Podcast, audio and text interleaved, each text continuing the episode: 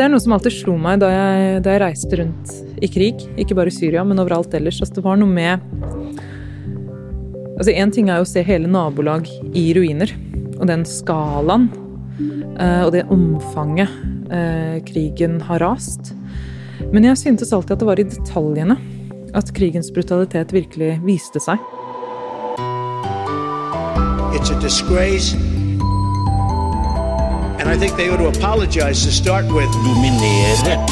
A failing media. Pile of garbage. False and fake, fake, fake, fake.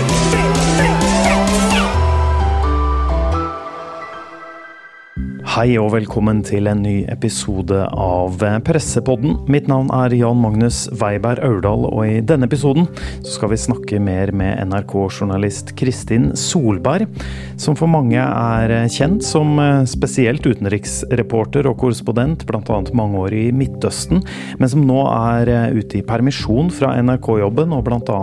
har jobbet som forfatter. Nå, denne uka, er hun derimot eh, aktuell med en kunstutstilling på Nobels fredssenter her i Oslo sentrum, hvor jeg er på vei nå for å snakke med Solberg. Og da skal hun fortelle litt mer om hva denne utstillingen er. Skal jeg bare finne veien dit, så imens kan dere ta en liten reklamepause, så er vi straks tilbake. Ønsker du eller din bedrift støtte til kompetanseheving? Stup deler ut individuelle stipender og arrangerer kurs for redaksjonelle medarbeidere og ledere, i tillegg til å støtte bedriftsinterne kompetansehevingstiltak. Vår ambisjon er å ha et kurstilbud med høyest mulig relevans for bransjen, og ha et sterkt fokus på kompetanseheving og etterutdanning. Neste frist for å søke individuelt stipend er 1.10. Gå inn på stupstipend.no for mer informasjon og søking. Kristin Solberg, aller først velkommen til Pressepodden. Tusen takk skal du ha. Du er jo kjent for mange som en NRK-journalist, og ikke minst korrespondent, senest fra Midtøsten. Nå står vi her da inne på Nobels fredssenter i Oslo sentrum, og ja, aller først, hvorfor gjør vi det? Hva gjør vi her? Her skal det være en utstilling av et kunstprosjekt som jeg har jobbet med eh, helt i det stille siden 2018. Eh, og nå skal det altså stilles ut her eh, med åpning på torsdag. Uh, ja. det er et prosjekt som, som, som heter Livsspor. Uh, det Ja, det så er jeg ikke fryktelig veltalende i det hele tatt. Jeg kommer ikke videre, men ja. Hva er det folk får se her da, på denne utstillingen? Her er det en blanding mellom gjenstander som jeg har plukket opp i ruinene fra krigens Syria. Eh, mange forskjellige gjenstander. En, en barnesko, en tekanne, en kosebamse, en genser. Um, og det er noe som alltid slo meg da jeg, da jeg, reiste rundt i krig. Ikke bare i Syria, men overalt ellers. Altså, det var noe med altså Én ting er jo å se hele nabolag i ruiner, og den skalaen uh, og det omfanget uh, krigen har rast. Men jeg syntes alltid at det var i detaljene at krigens brutalitet virkelig viste seg. Og det var i den barneskoen jeg fant i de helt forlatte ruinene. Eller den dukken med avrevet arm som lå under en knust vegg. Og jeg begynte etter hvert å plukke med meg disse gjenstandene. Samtidig som jeg fotograferte dem i, uh, i ruinene slik jeg fant dem. Uh, og her på Nobels fredssenter så er det uh, Blir gjenstandene hengt opp i oliventrær. Eh, for å signalisere en etterlysning av deres eiere. Akkurat som vi her i Norge i skiløypa eller på turstien eh, finner en gjenglemt vott eller en barnesko, så henger vi det opp i et tre for å eh, på en måte gjenforene gjenstanden med eieren. Her er jo eierne drept eller drevet på flukt. Men uh, dette kunstprosjektet er en slags etterlysning av deres eiere. Så her får man se gjenstandene i, i trærne. Noen av de er ødelagte av kraften i eksplosjonen eller fulle av ruinstøv. Eh, og de henger da i trærne her på Nobels fredssenter. Og så er det samtidig fotografiene som er av gjenstandene der jeg fant dem i ruinene. Ja, fordi I pressemeldingen til eh, denne utstillingen så, så, er du sitert på at eh, du føler innimellom, eh, eller så opplever du innimellom at journalistikken ikke strekker til, og at kunsten dermed kan formidle budskap i et språk journalistikken mangler. Fortell litt mer om hva du mener om det. Det ligger ikke noe mediekritikk i det i det hele tatt. Det er mer det at journalistikken har sin rolle. Kunsten og litteraturen har andre roller. Og jeg tror ikke jeg, jeg, tror ikke jeg ville vært meg uh, hvis ikke jeg hadde ønsket å formidle budskap også på andre vis. Eh, så jeg har jo, jeg har jo skrevet bøker, og det er, jeg, det er, en form og en sjanger jeg, jeg, trives veldig godt med. Eh, men så tenker jeg sånn at noen ganger må man velge den fortellermåten som kler historien best, slik man sier i journalistikken. Og for akkurat dette prosjektet så følte jeg at det var kunsten som kunne si at der jeg kunne si det jeg ønsket å si. Og dermed, og dermed ble det livsspor, rett og slett. Mm. Men det er jo også litt journalistikk her. Altså, du har jo samla det inn med journalistisk blikk også. Altså, du var jo journalist som var der, fant det. Det er jo en, en historie som også fortelles her, men bare i veldig fysisk form. Det er nettopp det. Og det er det eh, kunsten gir rom for. da, en, eh, en, At det kan fortelles i, i fysisk form. Jeg syns det har vært veldig spennende å jobbe med, fordi det startet jo som en idé i mitt hode. Sånn som en reportasje eh, som ender eh, som i levende bilder eller i tekst. Eller en bok, som også etter hvert blir jo en fysisk gjenstand. Men en bok er, selv om de kan se forskjellig inni og ha forskjellig innhold, selvfølgelig, eh, så er en bok en bok. Men til syvende og sist, uh, i fysisk formen her, er det å få være med på en prosess hvor du får se ideen bli til et fysisk rom. Som man kan oppleve. Det har vært, uh, det har vært veldig, en veldig spennende måte å, å jobbe på. Ja, du nevnte det jo altså Jeg nevnte jo innledningsvis, du er jo kjent som journalist. Du nevnte det jo sjøl, forfatter, skrevet flere bøker. Eh, dette omtales jo også som et kunstprosjekt. Du nevnte jo det her også, det kunsten kan, kan um, formidle, da, som ikke journalistikken kan gjøre. Du er jo også kunstner uh, nå, da? Jeg, jeg er veldig komfortabel med å omtale meg selv som forfatter og journalist. Og jeg har jo, dette er mitt første kunstprosjekt. Jeg tror ikke jeg skal begynne å omtale meg selv som, som kunstner, i hvert fall ikke riktig ennå. Men jeg, jeg syns det er eh, i hvert fall en veldig spennende måte å, å jobbe på. Vi ser jo rundt i rommet her, du nevnte jo det er oliventrær med, med gjenstander. Er det noen av de gjenstandene her som er litt ekstra spesielle for deg, som du kan fortelle litt om? Definitivt. Og altså, først og fremst vil jeg si at alle gjenstandene Jeg husker jo akkurat hvor de ble funnet. Jeg har jo, Og det vi ser her, er jo bare noen av de. Jeg har jo samlet, tror jeg, 60-70 gjenstander totalt. Men så er det jo alltid noen som taler til deg på et annet mer enn andre. Um, og det vil nok være forskjellig for forskjellige personer som kommer inn i dette rommet.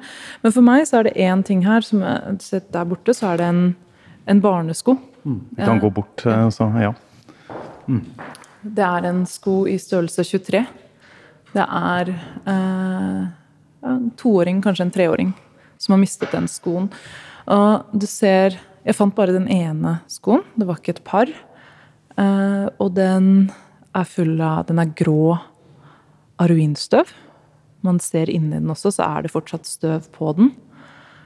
Jeg tror den har tilhørt en jente, for det er en slags rose på den.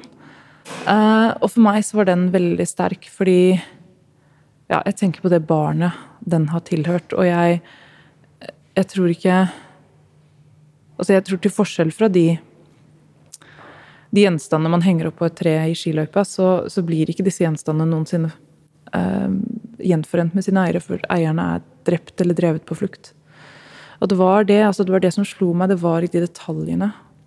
Eh, at, at, at, krigens virkelige brutalitet slo meg. da.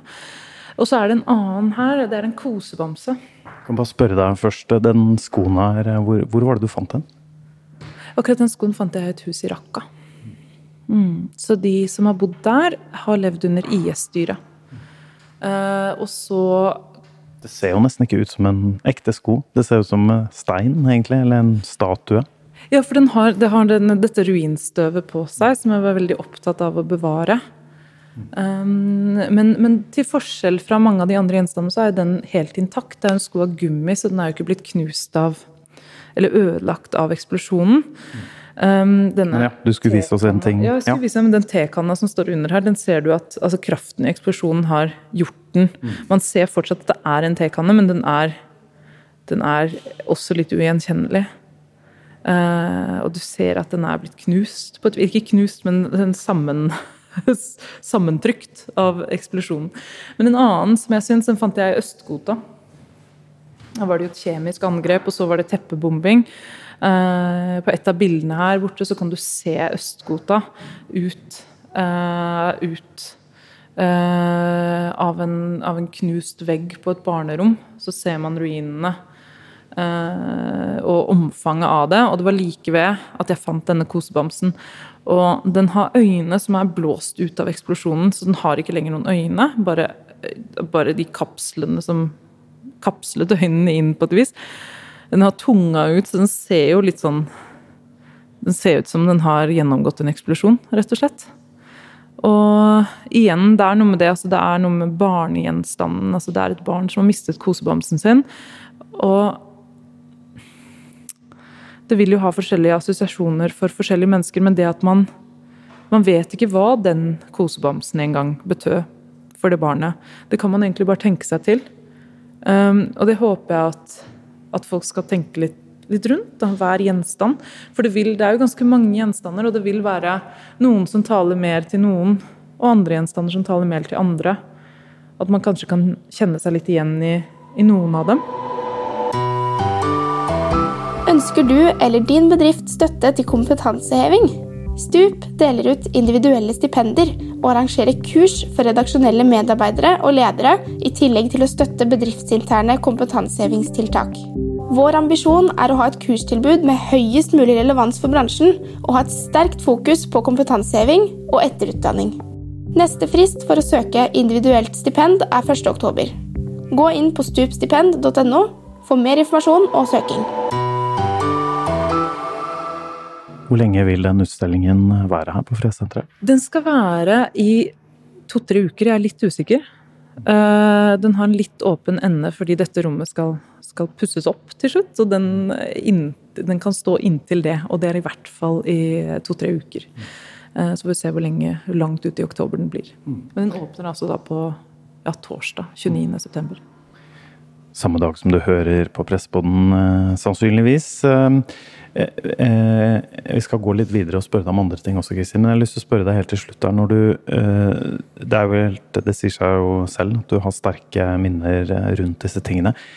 Nå er det jo sikkert noen av de tingene en stund siden du så det sist. Nå har du drevet her nå denne uken og montert opp igjen. Hvordan har det vært å hente det fram igjen, tingene og alle historiene det frembringer, og minnene? Jeg syns det er veldig å se de ut av kontekst når man er her i et veldig fredelig sted. Ut av vinduet her ser jeg Aker Brygge, alle folk som går forbi og ikke tenker på krig i det hele tatt, antagelig. Uh, nå er jo krigen nærmere enn vi, vi liker å, å, å håpe, men, men, det er noe med å se de igjen i en fredelig kontekst og vite at uh, Ja, at de aldri vil bli gjenforent med eierne, da. Det syns jeg er i hvert fall um, ganske sterkt å tenke på. Uh, ja. Og jeg følte at jeg kunne lukte, jeg kunne lukte ruinene av dem. Det er, lenge, det, er lang, det er, en stund siden jeg har kjent den lukten, men det lukter, det lukter ruinstøv av dem. Er det en uh, umiskjennelig lukt, vil jeg tro? Ikke på samme måte som liklukt. Mm. Men uh, Men ja. Det er noe med den metallaktige støvet, på et vis.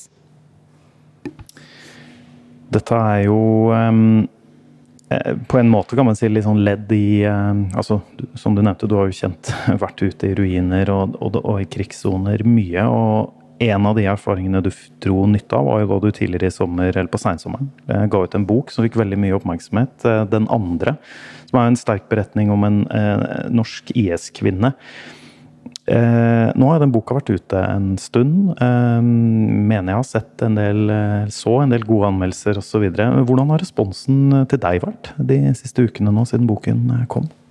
Det har vært veldig fint, for jeg har fått mye tilbakemelding fra lesere. Eh, og det er jo altså det er til syvende og sist de man skriver for. Det sies jo at å skrive er en ensom prosess, og det er jeg egentlig ikke enig i. Fordi det å skrive er hele tiden en, en kontinuerlig dans med en usynlig annen, og det er en fremtidig leser. Så det å og man vet aldri hvordan det blir mottatt. Og hver leser vil jo ha ulik, vil jo lese en tekst på forskjellige måter. Så det har vært veldig fint å høre direkte fra lesere. Det har vært eh, ja, det at folk faktisk bruker tiden sin, eh, den tiden vi alle har for lite av, til å sitte der og lese min bok, det føles altså det, ja, det er noe man ikke skal ta for gitt uh, på noen som helst måte. Og det har vært veldig fine tilbakemeldinger. Det syns jeg har vært, uh, ja, synes jeg har vært fint å høre. Mm. For du, En ting du sa, var jo at du også var nysgjerrig sjøl. Du gikk inn i arbeidet med boken. Du hadde lyst til å finne noen svar selv. Blant da, hvorfor så mange støttet IS. Du var jo inne på det til Med24 tidligere i høst også, om at du fant en del av de svarene. Det kan jo tyde på at lesere også kanskje hadde noen av de samme spørsmålene og har fått svar på det? Ja, forhåpentligvis. Um, så tror jeg man aldri kommer til et svar man kan sette to streker under når det gjelder et, eh, et annet menneske, men jeg tror man forhåpentligvis blir litt klokere på veien. Og denne boken det er jo en, altså det er, det er en historie om en iskvinne, men det er også min historie om jakten på hvem hun er, og hvordan slik brutalitet kan skje. Så på den måten så er det jo litt i samme gate som her, at jeg, jeg utforsker brutaliteten, men fra et litt annet perspektiv. Da. Jeg har lyst til å spørre, De skal snart gå inn eh, for landing eh, her. Du skal hente i barnehagen, blant annet. Som vi nevnte innledningsvis, du er jo for de fleste mest kjent som eh, NRK-journalist og, og, korrespondent. Eh, du kom tilbake i Norge for et par år siden, um, og du har stifta familie og har permisjon fra NRK. Jeg har lyst til å spørre deg, du som er så rutinert utenriksreporter, hvordan har det vært å på en måte sitte på sidelinjen i tegn de siste par årene med det som har skjedd, kanskje spesielt det siste året med så mye alt fra Taliban til Ukraina-krigen? Det har gått bedre enn jeg trodde det skulle gjøre. Jeg ante virkelig ikke hvordan det ville føres. Det var et lite eksperiment på meg selv. Jeg har jo vært ute så lenge at det å være her i Norge, det å ikke være i felt, det, ja, det var et eksperiment på meg selv. Men eh, det har gått Jeg har følt på bemerkelsesverdig lite rastløshet, faktisk. Og, og, kanskje litt fordi jeg har hatt disse to prosjektene hvor jeg har hatt mulighet til å fordype meg i, i temaer jeg er interessert i. Eh, livsspor og, og den andre. Eh, og de har gitt en mening. Um, og, uh, men jeg, jeg, vil si at det var i hvert fall én gang jeg følte på ganske stor rastløshet. Uh, det var da Taliban tok Kabul. Da Kabul falt. For jeg bodde jo i Afghanistan i 2011 til 2013. Det er et sted jeg virkelig føler altså en stor kjærlighet for den byen og det landet. Um, det var veldig sånn Altså, det var år hvor jeg lærte veldig mye og vokste veldig mye og så veldig mye. Um, men uh, Og selv da så var det helt åpenbart at Taliban kom til å vinne. De trengte bare å vente for å vinne. Uh, så jeg skulle gjerne vært der og rapportert om akkurat det, og hvordan det har blitt siden.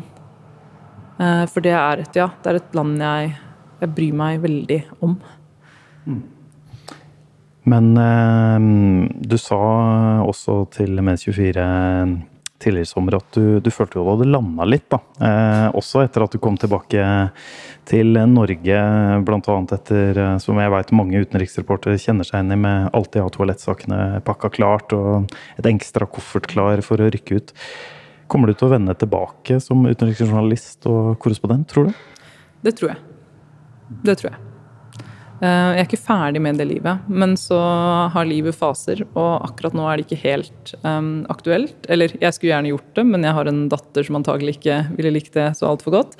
Akkurat nå så, så, får vi bare se hva som skjer, egentlig. Men, uh, men jeg, jeg, tror nok at det det At det vil komme dit en gang. Mm.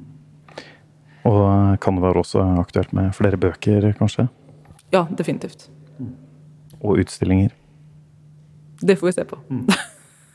Da er det bare å ønske deg lykke til videre med det du måtte foreta deg, da, Kristin Solberg. Utstilling her nå i første omgang, og eventuelt bøker og kanskje NRK-comeback.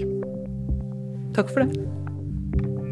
Og det var det vi rakk i denne episoden av Pressepodden. Eh, utstillingen er da mulig å se på Nobels fredssenter. En ny episode og en ny gjest er tilbake neste uke. Takk for at du lyttet på Pressepodden.